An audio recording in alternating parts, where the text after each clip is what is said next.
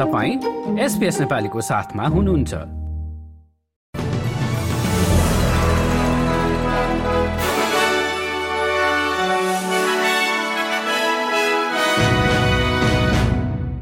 नमस्कार आज शुक्रबार एक डिसेम्बर दुई हजार तेइस। अब पालो भएको छ एसपीएस नेपालीमा आजका प्रमुख अस्ट्रेलियन समाचारहरू सुन्ने। शुरू गरौं जब सिकर प्रणाली बारे सार्वजनिक रिपोर्ट सम्बन्धी प्रसंगबाट।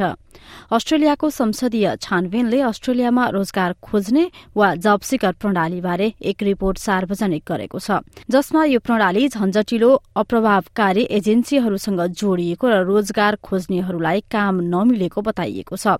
वर्कफोर्स अस्ट्रेलियाले जारी गरेको छ सय पचास पनाको लामो समीक्षात्मक प्रतिवेदनमा पचहत्तरवटा सुझाव दिइएको छ। यता न्यू साउथ वेल्स संसदको माथिल्लो सदनले राज्यका आदिवासीहरूसँगको सन्धि प्रक्रियाको समर्थनमा गरिएको प्रस्ताव पारित गरेको छ। ग्रीन सांसद तथा फर्स्ट नेशन जस्टिसका प्रवक्ता सु हिगेन्सद्वारा ल्याइएको यस प्रस्तावलाई सरकारले पनि समर्थन गरेको छ। अब टास्मेनियातिर लागौं। टास्मेनिया सरकारले समस्याग्रस्त आस्ले युथ डिटेन्सन सेन्टरलाई बन्द गर्ने मिति सारेको छ। गत दुई वर्ष अघि सन् दुई हजार चौबिस अन्त्यसम्म केन्द्र बन्द गर्ने बाछा गरिएको भए पनि बृहत्तर युवा न्याय सुधार अन्तर्गत समय सीमा थपिने संकेत गरेको हो। आजै सरकारले सरकारी संस्थाहरूमा बाल यौन दुर्व्यवहारको छानबिन गर्न गठित आयोगलाई दुई सय पृष्ठको प्रतिक्रिया पनि बुझाएको छ। अब अन्तर्राष्ट्रिय समाचारमा ग्रीन पीस अस्ट्रेलियाले कोप ट्वेन्टी एट जलवायु शिखर सम्मेलनमा प्राकृतिक प्रकोपबाट प्रभावित देशहरूको सहयोगार्थ भएको ऐतिहासिक सम्झौताको स्वागत गरेको छ।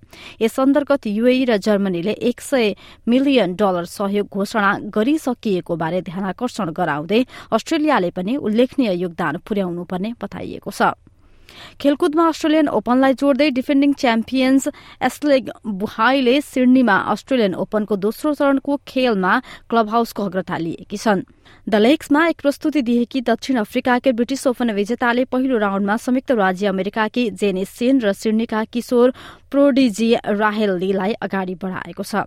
हस्त एसपीएस नेपालीबाट आजको प्रमुख समाचार यति नै। सुरक्षित रहनुहोस्। नमस्ते।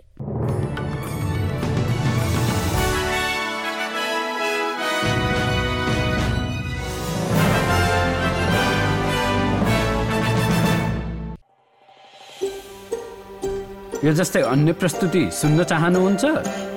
एप्पल पोडकास्ट गुगल पोडकास्ट स्पोटिफाईमा हामीलाई खोज्नुहोस् वा तपाईँले पोडकास्ट सुन्ने अन्य सेवामा।